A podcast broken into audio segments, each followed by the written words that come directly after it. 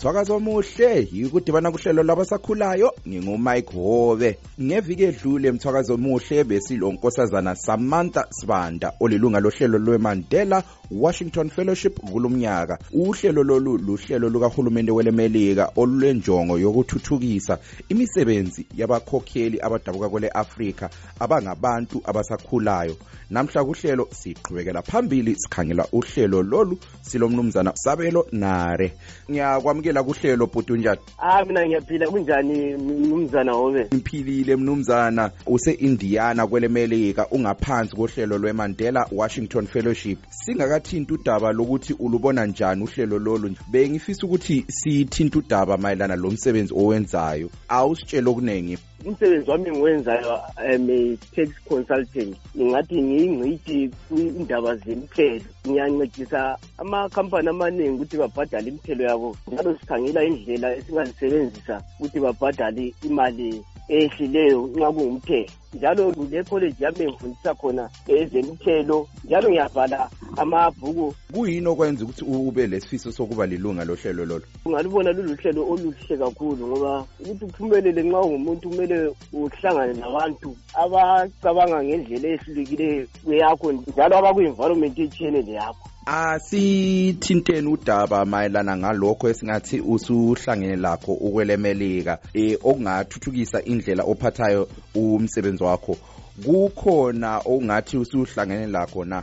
Ah kuningi kakhulu kuningi kakhulu. Ngakhangela lapha indaba esengifundile kakhulu lapha kule America eh abantu balapha bayabamba isikhathi. Eh ungakhangela ekhaya people are not in a hurry so kwenza ukuthi imisebenzi eminingi ingapheli ngendawo yokuthi abantu ababambi isikhathi. As part of our program siyavakatshela amanye amakhampani alapha emelika asephumelele endaweni ezehlukeneyo. Lenye ikhampani okuthiwa i-better world books ethengisa amabhuku special la esingadinga i-second hand ngibona ngani imodeli le ingasebenza kakhulu e-afrika? Waze wangikhumbusa i-interview yami lo samantha bengihleka ngimchasisela ngathi udaba lo e-african time alusebenzi lapha kwelemelika.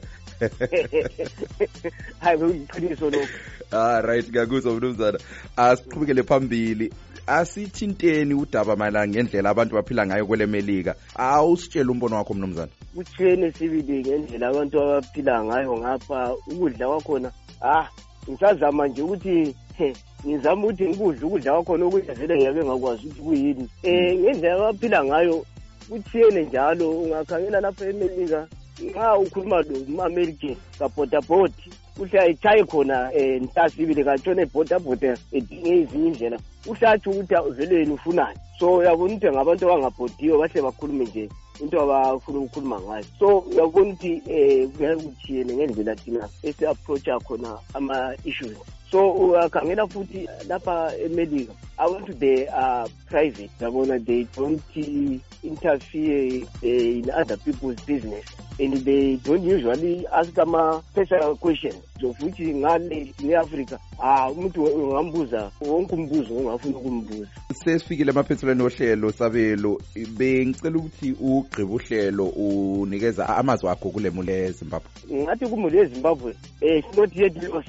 Um ngiyazi ukuthi ilizwe lethu alimanga ngendlela esifuna ngayo thina amazimbabweni party into ekumele sibe yazi ukuthi akula omunye umuntu ongabuya esithintela izinto. Yithi thina amazimbabweni esimele sizidinge so into eqakathekileyo ukuthi kasibambaneni lokho okwezepolitics sikuchiye eceleni siyakhe ilizwe lethu. Mhm hayi sikuzwile mnumzana sabelo nare siyabonga kakhulu ngokungena kuhlelo. Asibongile isikhathi du silugqiba lapho uhlelo lwabatsha. Abafisa ukuxoxa lami ngikhona kutwitter njalo ku-instagram at big mike 3 b i g m y k e 3 iyona username yami. Lingakhohlwi phela ukusidibana njalo ngolwesibili kuhlelo the connection lapho siqhubekela phambili sixoxa ngendaba eziphathelane ngabatsha elizweni uhlelo luqala ngo-8 bese lugqiba ngo-9 p m.